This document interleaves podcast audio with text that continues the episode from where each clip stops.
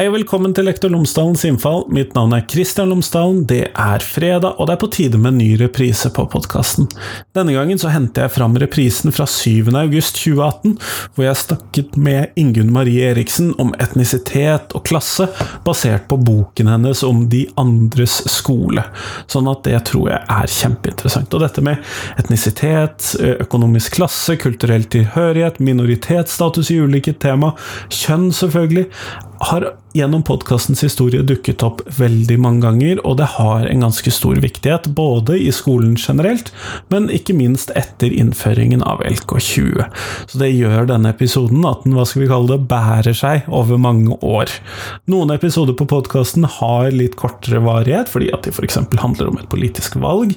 Det kommer nok til å komme noen av disse episodene når vi nærmer oss sommeren også, mens andre episoder er nærmest evigvarende, fordi at disse problemstillingene ikke blir borte borte. Jeg anbefaler også å gå inn på lektorlomsdalen.no og sjekke ut eh, shownotene, for der vil det være andre episoder som også har vært viktige i den sammenhengen, som kom etter denne episoden kom, som jeg håper at du vil sette pris på og like å høre på. Så sjekk ut lektorlomsdalen.no. Men Podkasten er selvfølgelig sponset av Fagbokforlaget, og Fagbokforlaget utgir bøker og digitale læremidler for hele utdanningsløpet, fra barnehage til høyere utdanning og profesjonsstudier. Og en av bøkene som har kommet ut der det siste året, er boken Profesjonell muntlighet. Og I denne boken så handler det om stemmebruk, retorikk og diksjon, og den er skrevet for alle som lever av å snakke, som f.eks. lærere og ansatte på universitetet.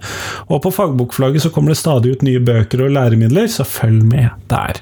Men nå, nå får du intervjuet med Ingunn Marie Eriksen. Vær så god.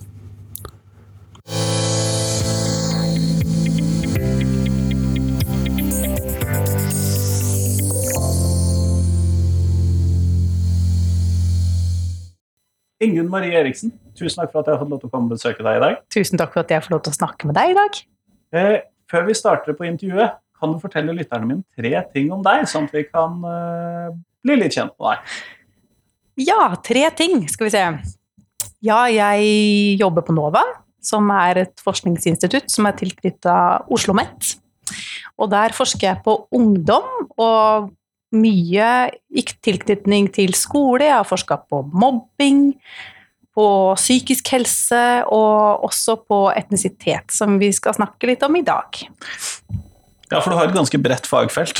det er på en måte bredt, men samtidig så Jeg skrev eh, hovedoppgave, som det het i den, den, tiden, for lenge, lenge siden, om eh, romantiske vennskap mellom menn i amerikansk litteratur. Jeg har hovedfag i engelsk litteratur. Og det kan jo høres ut som det er ganske langt utafor det jeg holder på med nå, men jeg tror det går en sånn tråd gjennom det jeg har vært interessert i, som handler om på en måte eh, litt sånn eh, seksualitet, bl.a. Kjønnsrelasjoner, eh, etnisitet igjen. Eh, forholdet mellom mennesker, rett og slett. Så jeg er jo ikke sosiolog, men det er jo veldig sosiologiske ting eh, å være opptatt av. Det hørtes slik ut. Ja. men du jobber på Oslo OsloMet, og du har jobbet med dette. Det var to ting, tror jeg? Det var to ting. Den tredje tingen ja, jeg, jeg, bor på Vålerenga, da. Eh, her sitter vi nå eh, og tar dette intervjuet. Det er verdens hyggeligste lille landsby midt i Oslo. Her trives jeg veldig, veldig godt. Da vi var på visning i denne leiligheten, så oppdaga jeg til min skrekk at jeg har forferdelig høydeskrekk. Den er i fjerde og femte etasje, og jeg så ned innafor. Altså jeg sto her inne og så ut av vinduet, og så kjente jeg plutselig et sånn sug i magen. jeg må i hvert fall bare bort til vinduet før jeg får den. Altså Jeg var jo ved vinduet, men herregud, det får være måte på. Men i fjor så gikk jeg Besseggen, og det gikk helt greit. Så jeg har innsett at eh, jeg har høydeskrekk, men jeg klarer på en måte å komme over det. Nå fikk du fire ting. Jeg fikk fire ting. Ja, vær så god. Vi skal snakke om en bok du har skrevet, eh, 'De andre skole'. Eh, kan du starte litt med å fortelle meg om den boken? Den boka var, eh, den ble til fordi at jeg skrev en avhandling eh, som het Altså til doktorgraden din? Do ja, til doktorgraden min, som het Young Norwegians. Vet du hva, Nå måtte jeg faktisk sjekke hva den het, for jeg hadde glemt det. Veldig dårlig. Så, så, det arbeidet begynte jo for ti år siden, faktisk. Så smått med at jeg begynte på doktorgraden. Og, så gjorde jeg feltarbeid på en videregående skole her i Oslo. Eh, der hvor det var veldig mange elever med minoritetsbakgrunn, og ikke så veldig mange med etnisk norsk bakgrunn. Og så var jeg på den skolen i bortimot et semester. Eh, I én klasse, jeg fulgte én skoleklasse fra de begynte i første klasse. Altså jeg var der samme dagen som de begynte. Og det tror jeg var utrolig viktig, fordi da fikk jeg på en måte Naturlig plass i klassen, da, på ja, en måte. Ja, og samtidig var jeg veldig opptatt av å ikke bli sett på som en lærer, fordi fra erfaringen fra mange andre skoleforskere, så når man sitter i klasserommet som forsker, så blir man veldig fort sånn hjelpelærer. Og jeg tenker at det er jo ikke på en måte så er det jo det motsatte forholdet man har som lærer og som forsker, for læreren vil jo putte ting inn i hodet på elevene. Mens jeg vil jo ha ting ut. Jeg ja, du skal jo suge til deg alt du kan se. Sant? Og så vil jeg jo ikke at de skal på en måte dempe seg eller oppføre seg annerledes når jeg er der, så jeg var veldig opptatt av å ikke henge med læreren i det hele tatt. Og bare bli kjent med elevene og være med dem i friminutt og overalt. Og så intervjua jeg jo alle elevene i den klassen litt sånn uti skoleåret, når jeg hadde blitt litt kjent med dem og visste litt mer om dem. Og så var jeg igjen på besøk ganske mange ganger i løpet av de tre årene de gikk på videregående. Men jeg må si at en, en drawback med å ikke være som en lærer og bli kjent med lærerne altså Jeg angrer litt nå på at jeg ikke intervjua lærerne. Jeg tror jeg kunne vært utrolig interessant å høre deres perspektiv på den klassen. Fordi den klassen var jo utrolig spesiell i en norsk målestokk, og den var ganske spesiell også på den skolen, fordi det var jo ganske få norske elever der, eller etnisk norske elever. Um, og det var en veldig bråkete klasse. Det var også kjent som den mest bråkete klassen på den skolen. Uh, og det var jo det mye av mine samtaler med elevene handla om en periode. var jo på en måte det bråket. Ikke bare liksom, at det var et problem, men liksom de snakka om 'Å, det var så kult! Det var så bråkete!' Så du på Facebook? De filma det og la det ut på Facebook. altså, det var jo helt mayhem i, i, perioder, hvor jeg tenkte sånn Herregud, stakkars folk, hvordan klarer de det? Og lærerne var jo veldig De var til dels ganske unge og nyutdanna. Så det var en pedagogisk utfordring, denne klassen også? Kan du kalle det. Det var mye fravær. Eh, og i løpet av de tre årene jeg var der, så var det, det var fire paralleller som begynte på studiespesialscene, som jeg var på. Og så var det tre, nei, tre klasser som, som, gikk ut. Så det var altså en fjerdedel så de passer godt inn i statistikken, da, hvis man skal se det sånn at 25% til 30% forsvinner ut i løpet av videregående. ja, den, klassen var, eller den, det trinnet var veldig representativt sånn sett. Eh, så det var egentlig liksom veien inn for å For det er jo en ganske sånn spesiell ting, det å være forsker og bare sitte der. Men hva skal, du, hva skal du gjøre med all den informasjonen? Du får utrolig mye informasjon ved å sitte og bare observere og skrive ned absolutt alt som blir sagt alle, liksom, alt du kan klare å få ned av eh, kroppslig kommunikasjon eller eh, hva er det for noe kroppsspråk. Og, Blikk og eh, armristinger og alt sant? mulig. Alt det du tenker at er viktig for å forstå et eller annet, men hva man skal forstå, er jo ikke alltid helt klart. Jeg gikk jo inn der for å fortsette på det som jeg nevnte i stad, det med måte, vennskap og relasjoner. Hvordan dannes relasjoner? Hvordan spiller kjønn og seksualitet og etnisitet inn i det? Men jeg hadde også en sånn forskerfilosofi om at jeg skal finne ut hva som er viktig for elevene. Hva er det de bryr seg om? Og så skal det være mitt hovedfokus, å forstå hvorfor de bryr seg om akkurat det så veldig. ikke sant? Og det ble jo klart fra første skoledag at det de brydde seg om, det var hvem som var norsk, og hvem som var utlending, for å bruke deres eget begrep. Altså hvem som var født av norske foreldre, og hvem som ikke var født av norske foreldre. Så egentlig besteforeldrenes etnisitet som var det viktige her, altså? veldig grovt sett så var det på en måte allerede det, ja. Det var, og det ble på en måte med en gang så ble det to leire, kan du si, da, hvor de det var det som jeg nevnte i stad, at det var så viktig for meg at jeg kom fra første skoledag. Og det var det fordi da så jeg at allerede med en gang de kom, så delte de seg inn i det som de kalte for nordmennene, og det de kalte for utlendingene. Liksom, som, som, noen hadde satt en strek gjennom klassen, liksom. Uten at de kjente hverandre fra før. Altså, noen få kjente hverandre fra før, men, men, det var jo ikke sånn at dette var etablerte Det var ikke ferdige grupperinger. klikker. Det var ikke ferdige klikker, det bare blei sånn. Så det jeg beskriver i begynnelsen av De andre skole, er hvordan den splittelsen skjedde med at sånn, alle minoritetselevene i en svær gjeng, og alle de etnisk norske i en litt liten, forskremt gjeng i en krok, for å sette det litt på spissen. Og så gjennom resten av boka så går jeg inn i og prøver å forstå både hvorfor dette skjedde, eh, og hva det hadde å si. Hva var konsekvensen av dette, og hvordan på en måte eh, opprettholdt de de sterke grupperingene, og hvilke på en måte, mekanismer var i spill. Og dermed så kom jeg inn på tre tematikker. Det, altså det første kapitlet viser på en måte splittelsen av hva som var viktig for dem, og det gikk jo mye på utseende. Det gikk mye på hvilket sted de var fra. Altså Hvis de var fra de områdene rundt skolen, så var det med en gang på en måte litt innafor. Hvis du kom fra ø, vestkanten f.eks., så var du automatisk ikke så veldig Da var du utafor. Eller, eller, eller norsk, da. For de to tingene hang jo gjerne sammen. Og det siste var, eh, eller ikke det siste, men en annen viktig ting var hvordan man snakka. Altså snakka du kebabnorsk, så, så var det på en måte eh, åpenbart at du var en, en av dem. Da. Og hvis, Mm. du, hvis du ikke gjorde det, så, så var, du, var du norsk. Så det var jo en, den store gruppa som danna på en måte vi-et eh, i begynnelsen, og så var den norske gruppa var, nok, følte seg nok veldig utafor. Og veldig ofte så dreide det seg jo om at de nok hadde kommet inn på en skole de ikke hadde søkt seg til. Og det er jo en konsekvens av fritt skolevalg, det at eh, har man ikke de gode nok, eh, gode nok karakterer, så er det ikke fritt skolevalg. Da er det veldig ufritt. Og det opplevde nok de, mens mange av de minoritetselevene som, som hadde kommet inn på den skolen, de sogna jo til den skolen. Så de Ja, for de bodde i nærheten, de mange av bodde i de. nærheten, ikke sant? Ja. Så for dem så var det et ønske. For, for en god del var det et ønske. For mange andre så hadde jo nok kanskje de også ønska seg bort. Men det fikk jo den litt sånn underlige konsekvensen at det vi normalt ser for oss som en slags maktbalanse, hvis man tenker sånn postkoloniale termer, Det kan vi Eller- godt gjøre. det kan vi godt gjøre hvis man tenker seg For det er jo mye av den litteraturen som, som man bruker til å forstå relasjoner mellom etniske grupper, da, for å mm. sette det litt på spissen.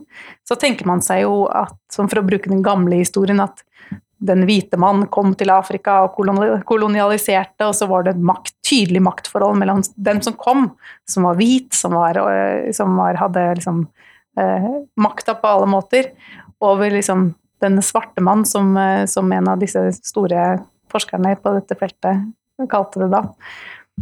Eh, og da, da var jo maktforholdet veldig tydelig, og, og, og det, her kan man jo på en måte ikke helt bruke den samme teorien, fordi at eh, maktforholdet var så, var så annerledes. Majoritetsforholdet var litt skifta. Her, Eh, Nettopp, det er jo minoritet var majoritet. Og så var det jo også sånn at eh, det er jo ofte et sånn implisitt klasseforhold i å forstå forholdet mellom etniske grupper, fordi at ofte så har de som har overtaket, har også, også ofte sånn klassemessig eh, overtak. Mens her var det så blanda, fordi at veldig mange av de etnisk norske elevene hadde arbeiderklassebakgrunn.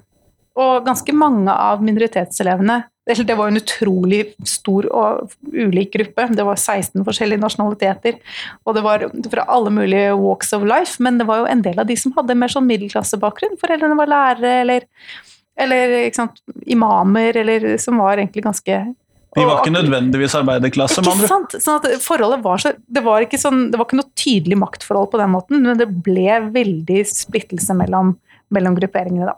Så det, Ja, for det, dette med eh, at de kom fra 16 forskjellige landbakgrunner, eh, hadde jeg lyst til å spørre litt om. fordi at det, man kunne jo da tenke seg at siden vi-et da besto av alle utlendingene, eh, at de da var til Eller in, fra etniske grupper fra i nærheten av hverandre, men eh, det, siden du sier at det er 16 forskjellige typer nasjonaliteter, så antar jeg at det var en ganske broket forsamling, det vi-et. Det en, en av de sånn store innsiktene var at ja, men det er jo en helt sånn vilkårlig gruppering. Det eneste som de hadde til felles, var at de ikke var norske. Så på den måten var det en veldig sånn eh, ikke-identitet. Det var en def negativt definert identitet ved det at det de hadde til felles, var at de i utgangspunktet var utafor. Det er derfor jeg har kalt boka 'De andre skoler', fordi at eh, den store gruppa med, med etnisk minoritetselever opplevde skolen i hovedsak som et slags norsk prosjekt. Det- Dette her kom gjennom, Det var synlig på mange måter, ikke minst gjennom det bråket. De sa det også rett ut, at herregud, hvordan kan du forvente at jeg skal klare det bra her? Jeg snakker jo ikke norsk hjemme engang. De forsto ikke skolen som, som noe som var laga for dem. Eh, og på mange måter så, så jeg kanskje også at undervisningen ikke tok høyde for for at For tok ikke deres ulike bakgrunner med inn i betraktningen for å bruke den aktivt inn i undervisninga heller. Sånn at det forandret ikke på innholdet i undervisningen, da? Nei, det, det, nei ikke, ikke, det jeg så, i hvert fall. I liten grad. Det, I andre skoler jeg har vært på, i andre feltarbeid seinere, så har jeg jo sett hvordan det kan gjøres på en sånn utrolig god måte. Hvordan man kunne bruke elevenes bakgrunn inn i undervisningen, eller gjøre at de føler seg hjemme på skolen. Det er vel kanskje det som er kjernen her, da. Eh, så for minoritetselevene så var det derre Hvis man tenker seg at skolen har to hoved hva skal man kalle det, soner. Det ene kan være liksom det pedagogiske, da, at, at, du mhm. skal få en utdanning. Eh, og det andre er kanskje det sosiale rommet og det fysiske rommet som skolen er. Og det, det relasjonene som skjer der. Ja, jeg tenker mer på liksom relasjonene oh, ja, sånn, mellom ja, ja. elevene. Da, at du er der faktisk. Du skal ha eh, vennskap eller fiendskap eventuelt med klassekamerater. Det, det sosiale spillet som skjer. Da. Så hvis du ser for deg skolen med to sånne eh, eh ringer, på en måte, så, så opplevde de jo et det var på en måte et motsetningsforhold hvor, hvor minoritetselevene følte ikke tilhørighet til det pedagogiske prosjektet, men de følte en enorm tilhørighet til det sosiale prosjektet på skolen. Og de tok selvsagt plass, fysisk og, og, og, og psykisk, holdt jeg på å si. um, mens, eh, mens, de etnisk norske elevene de, de, gjorde jo bra på skolen i utgangspunktet, som òg var litt rart, for de hadde jo ikke så gode karakterer i utgangspunktet. De hadde jo det var derfor de hadde kommet dit, ja. ikke sant? Men allikevel så ble det litt sånn at den dynamikken som skjedde i klasserommet, ved at de, at eh, de norske elevene satt veldig ofte for seg selv, stille på et grupperom og jobba, eh, som jeg tenker at i seg selv var det bare liksom, formatet på den skolen tvang dem til å jobbe aktivt med pensum, rett og slett. Og de ble også sett på som de flinke elevene, sant? fordi at de hadde det gratis Det må jo ha vært noe underlig for dem, da, hvis de da i utgangspunktet kanskje ikke var de elevene som var de sterkeste i sine respektive klasser. Så må jo det ha vært litt underlig. Ja, altså de, alle disse gikk jo i samme klasse i utgangspunktet. Ja, det, det var jo det Jeg vet ikke Ja, men sånn på, på, ungdomsskolen, hvor de da antagelig ja, sånn, ja. ikke hadde blitt sett på som de eh, elevene som gjorde det spesielt skolefaglig godt, og så kommet til en situasjon hvor de på bakgrunn av sitt utseende ses på som de flinke elevene. Ja. Det må jo ha vært litt underlig? Det var ganske underlig. Jeg tror det de var mest opptatt på den tiden da jeg intervjua dem, var nok det utenforskapet de opplevde, og ikke så mye det faglige. Så vi snakka nok ikke så mye om det. Men det var noe sånn, altså, Og jeg vet ikke hvordan de gjorde det på eksamen, så det er jo ikke sikkert at de endte opp med noen spesielt bedre karakterer. Det er ikke det som er poenget. eller Poenget er hvordan de på en måte ble snakka om som de ja. flinke. ikke sant? Eh, men følte Så de hadde måte tilhørighet, for å komme tilbake til de ringene igjen, de mm. hadde sånn veldig sterk tilhørighet til det norske prosjektet. Og det syntes egentlig på andre måter òg, f.eks. likestilling og seksualitet og, det, og antirasisme, som var jo òg ganske paradoksalt. De var veldig opplært i de norske verdiene, på en måte. Eh, og samtidig så følte de jo veldig lite tilhørighet til den, i den sosiale eh, sfæren på skolen, så var det jo liksom ja, så, du, så, det var sånn motsetningsforhold. Så hvis du følte deg hjemme på ett sted, så var det ganske sikkert at den andre gruppa følte seg, ikke følte seg hjemme der, og motsatt. Ble det litt komplisert? Nei, det, det, det, det hang sammen. ja, det, var sånn, det er på en måte en sånn modell jeg tegna meg for meg selv for å gjøre Så ja, i utgangspunktet så var dette på en måte i grove trekk det som var på en måte mønsteret der. Men jeg, det som var noe av det mest interessante sånn i analysen, syns jeg, var de elevene som ikke passa inn i det mønsteret. Og det var jo ofte sånn uh, unntak som bekrefta reglene på en måte. F.eks. en av jentene som, som uh, var fra Sør-Asia, uh, eller foreldrene var det. Hun var jo født og, oppvokst i, Norge. Og det var jo stort sett alle minoritetselevene. Men de kalte seg jo ikke norsk av den grunn. Um, hun var veldig skoleflink og var, ble umiddelbart venn med de norske elevene.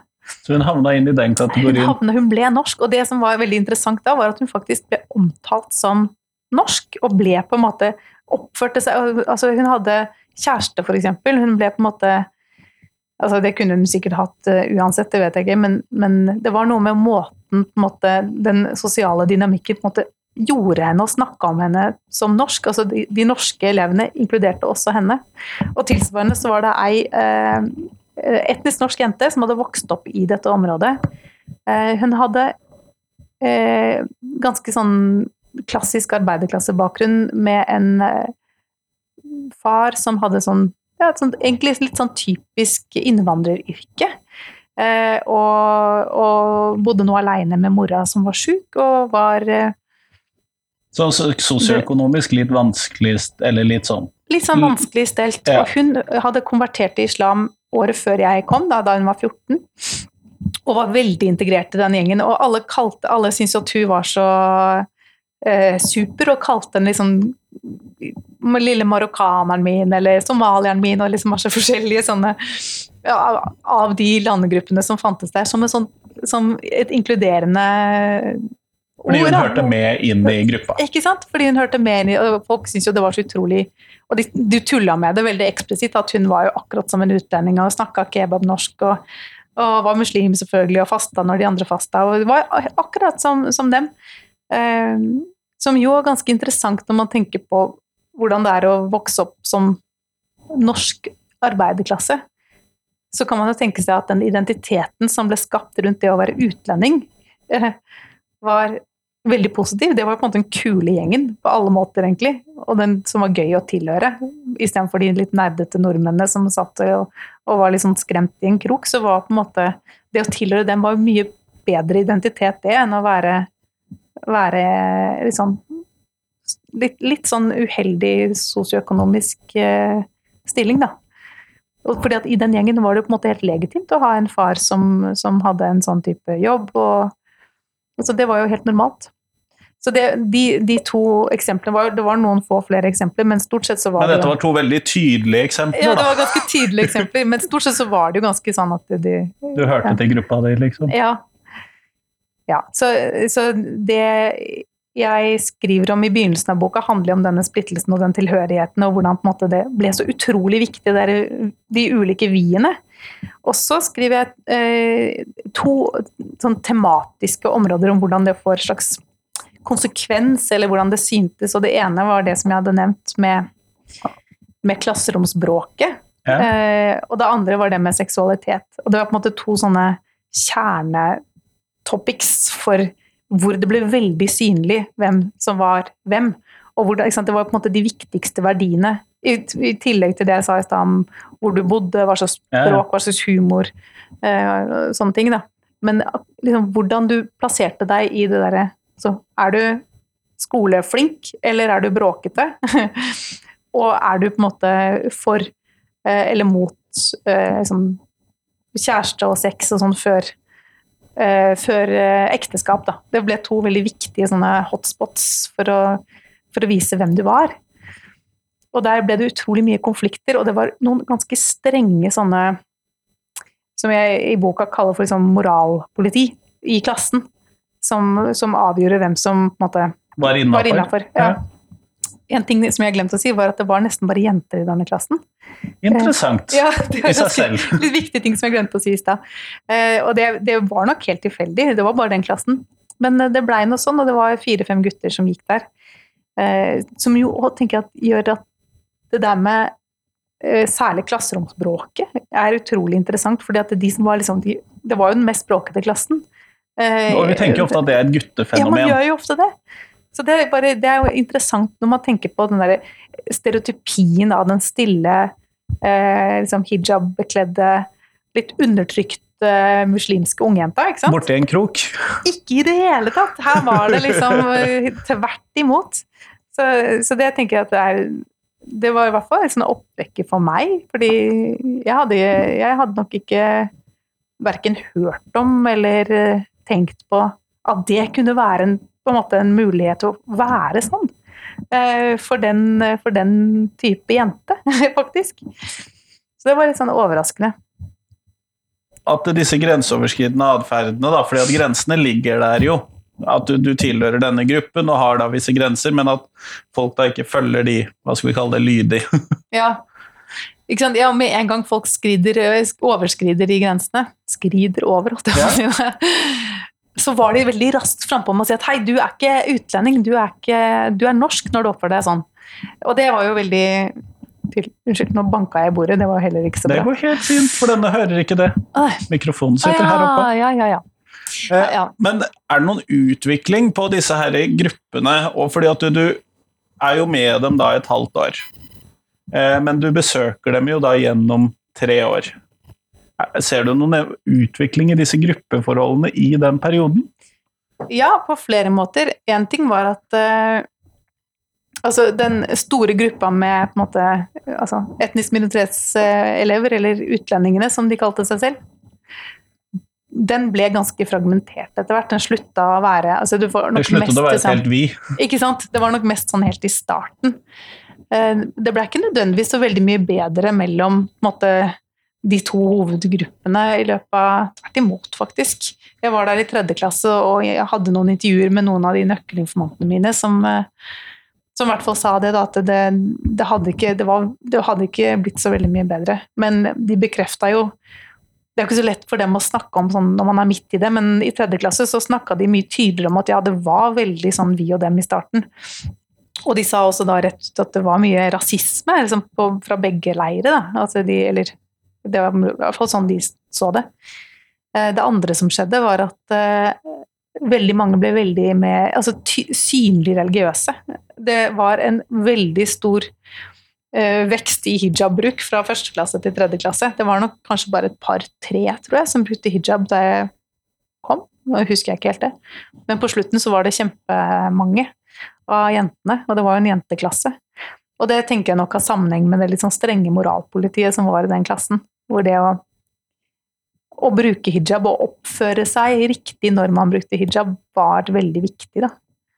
Eh, Men jeg hadde noen veldig fine samtaler med noen av de jentene som hadde valgt å bruke hijab, som bare beskrev det som en sånn eh, utrolig sånn lettelse og en følelse av å komme hjem.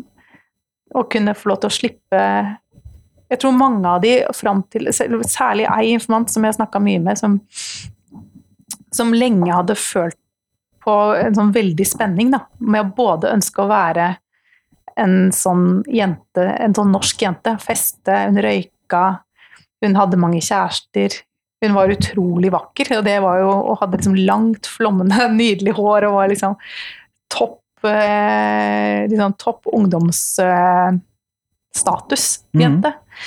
Eh, og veldig liksom, eh, var veldig opptatt av hvor fælt det var å leve mellom to kulturer, hvordan hun ikke klarte For hun var jo muslim, og hun syntes det var forferdelig vanskelig.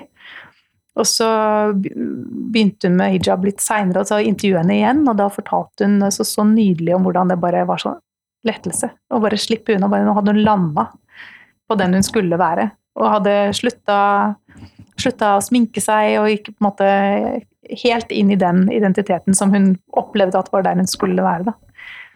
Eh, Så, så jeg mener jo ikke å si det med at det begynte med hijab i en masse var nødvendigvis noe problem. Tvert imot. For henne, når hun opplevde det sånn, så var det bare en, en stor glede eh, i hennes liv. Og hun ble veldig opptatt av på en måte forståelse eh, og prøve å på en måte bygge bruer mellom de, de, de gjengene som hadde oppstått i klassen også, fordi hun, hun var halvt norsk. Så hun hadde liksom føtter i begge leirer. Ja. Men hvis vi da, eh, fordi at, eh, og det spilles, gjenspeiler jo, gjenspeiles jo både i det du har sagt og i tittelen på boka, og sånn, dette her med de andre skoler, og at man ikke da føler den tilhørigheten til det norske pedagogiske prosjektet. Jeg jeg har noen air quotes her som er tydelige, fordi at det, men det er jo da et norsk skoleprosjekt som de blir med på, eller er en del av. Men hvordan kan man Har du noen tanker om hvordan vi som skole og hvordan vi som lærere kan prøve å viske ut dette, eller prøve å få at den utenforskapen reduseres? For det er jo det som må være målet, at alle skolen Og det klarer kommer vi aldri til å få til, uavhengig av, for det er jo veldig mange faktorer. Men eh, hvordan vi skal prøve å få flest mulig til å føle en tilhørighet til den skolehverdagen de er en del av, da. Mm. Ja, altså, jeg tror det er flere ting, jeg tror du har helt rett i at det er jo helt utopisk å tenke seg liksom, et sted hvor alle føler seg like mye hjemme på alle mulige måter, men Det er nok noen ting eh, som var tydelige. Eh, det ene var at lærerne her, og, og ledelsen eh, også, aldri snakka om det faktum at dette var en skole med, med veldig mange minoritetselever. Når det var alt elevene snakka om. De var så opptatt av etnisitet at det var liksom det fremste i deres bevissthet. De forsto alt i etniske termer. De forsto bråket som en konsekvens av etnisitet. De forsto seksualitet som en konsekvens av etnisitet, selv om man kunne jo forstå det på mange andre måter. Men allikevel så var det på en måte noe som altså Skoleledelsen snakka om liksom Vi er en internasjonal skole, ikke sant. Men det ja, Sånn at elevene hadde noen helt andre briller enn ledelsen, da. Ja, og lærerne. Så når, når, det er så Det ble en sånn kjempestor elefant i rommet, og jeg tror, at, jeg tror, det var litt av grunnen til at etnisitet ble så viktig. fordi at det ble jo ikke møtt av de voksne i skolen at det, at det, at det var viktig for elevene, så dermed så ble det på en måte enda viktigere. Uh, og, da, og det samme det kunne man jo òg se på de etnisk norske elevene som opplevde etnisitet som kjempeviktig, men så hadde de den der Vi kan ikke snakke om ulikhet, fordi i Norge så har vi litt sånn Vi kan ikke snakke om ulikhet, for da betyr det egentlig en verdiulikhet. Det ligger på en måte litt sånn under for, for mange nordmenn, tror jeg. Så jeg tror de, de, norske elevene som kom på den skolen og var liksom opplært i liksom ikke mobb kameraten min og stopp rasisme og sånne ting. De hadde ikke noe ordforråd til å snakke om dette her. Eh, så jeg tror for det første akkurat det der med å få til en samtale om hva betyr det å være minoritetselev, hva betyr det å være majoritetselev, hva er majoritet og minoritet i denne klassen her egentlig? Å snakke om de litt vanskelige tingene vil gjøre det lettere å kunne starte en dialog og kanskje finne noen altså Bare sette fingeren på problemet tror jeg bare kunne også gjort det lettere for mange av elevene. Fordi det var jo kjipt for begge parter. Det andre tror jeg, som jeg var litt inne på i stad, dreier seg mer om det pedagogiske. At jeg var på noe som jeg nevnte det i stad også, en, en, fantastisk skole som, hvor lærerne bare forsto det der. Det bare helt sånn intuitivt brukte i i eh, religionsundervisninga f.eks., eller, eller, eller i historie, som trakk veksler på elevenes erfaring, ikke, altså, hvor det var relevant. da. Som en sånn selvsagt ting. Selvfølgelig bruker man det elevene kan, uten at det blir noe sånn altså Da, da synliggjør man hva liksom, ulike kulturer og, og, bakgrunner kan gi i et fellesskap, som, som eh, det, de ikke gjorde her, da. Eh, denne skolen var jo en baseskole. Ja. Med de utfordringer det, og muligheter det gir. Ja, og det gir mange muligheter, er jeg sikker på, uten at jeg har helt sett det selv, i en eh, La oss kalle det liksom Hernes drømme, drømmeelev. Altså middelklasseeleven med fullt fokus og ansvar for egen læring og kan drive seg selv. Selvdisiplin. Ja. Eh, det hadde ikke denne gjengen her.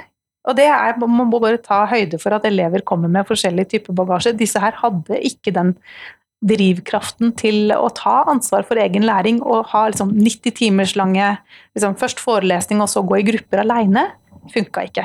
Det var derfor det blei så mye bråk. Var, hele skolen var jo liksom veldig preget av å kunne Altså det, var, det, var, på en måte ikke noen grenser. Alt kunne flyttes på eller åpnes opp, eller man kunne se gjennom. Det, det, var på en måte ikke noen klare rammer Sånn at her så har du da elever som de som stort sett har vært ytremotivert eller ytrestyrt eller ytredrevet gjennom hele ungdomsskolen og barneskolen, og så putter du det inn i et relativt fritt miljø, med andre ord.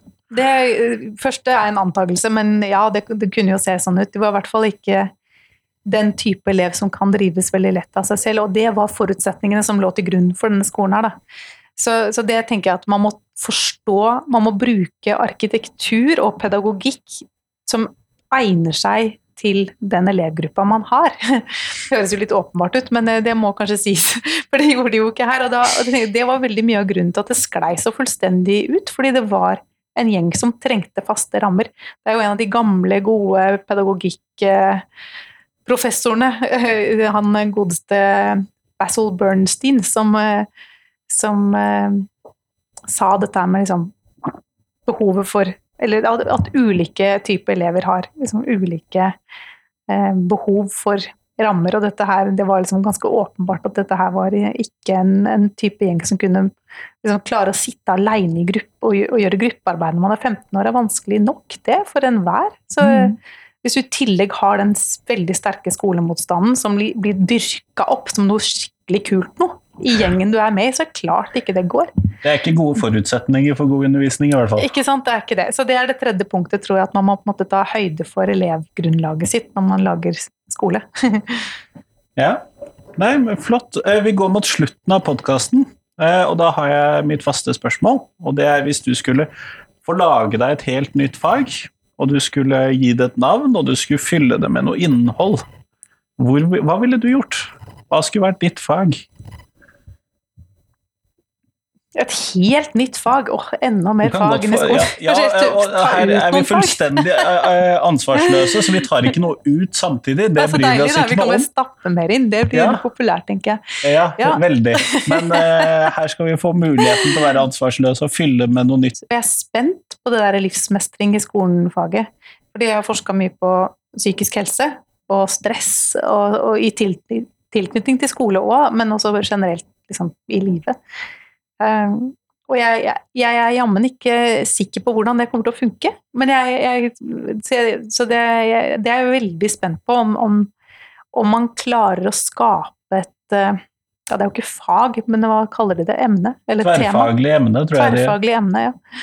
Og hvordan det kommer til å faktisk se ut i, i, Det er jeg veldig spent på. Ja, det blir, det blir råspennende. Og om det faktisk kommer til å Det er jo noen kritikere som mener at man ikke bør snakke så mye om dette med psykisk helse, for da Får man psykisk helse? Eh, Ja, det. Er vel kanskje det de er redd for. De vil jo ikke ha en psykisk helse heller. Men, uh, men jeg, jeg er nok for å, å snakke om utfordringene man har eh, i livet. Eh, apropos det vi snakka om før, at det er bedre å, å sette fingeren på hva som er hva som gnager en. Fordi hvis ikke så har den tendens til å vokse og bli større. Så det blir, det blir spennende. Det var litt på siden av det du spurte om, men det, det Nei, men eh, flott. Kjempeflott. Tusen takk for at jeg fikk lov til å prate med deg i dag. Takk i like måte. Veldig hyggelig.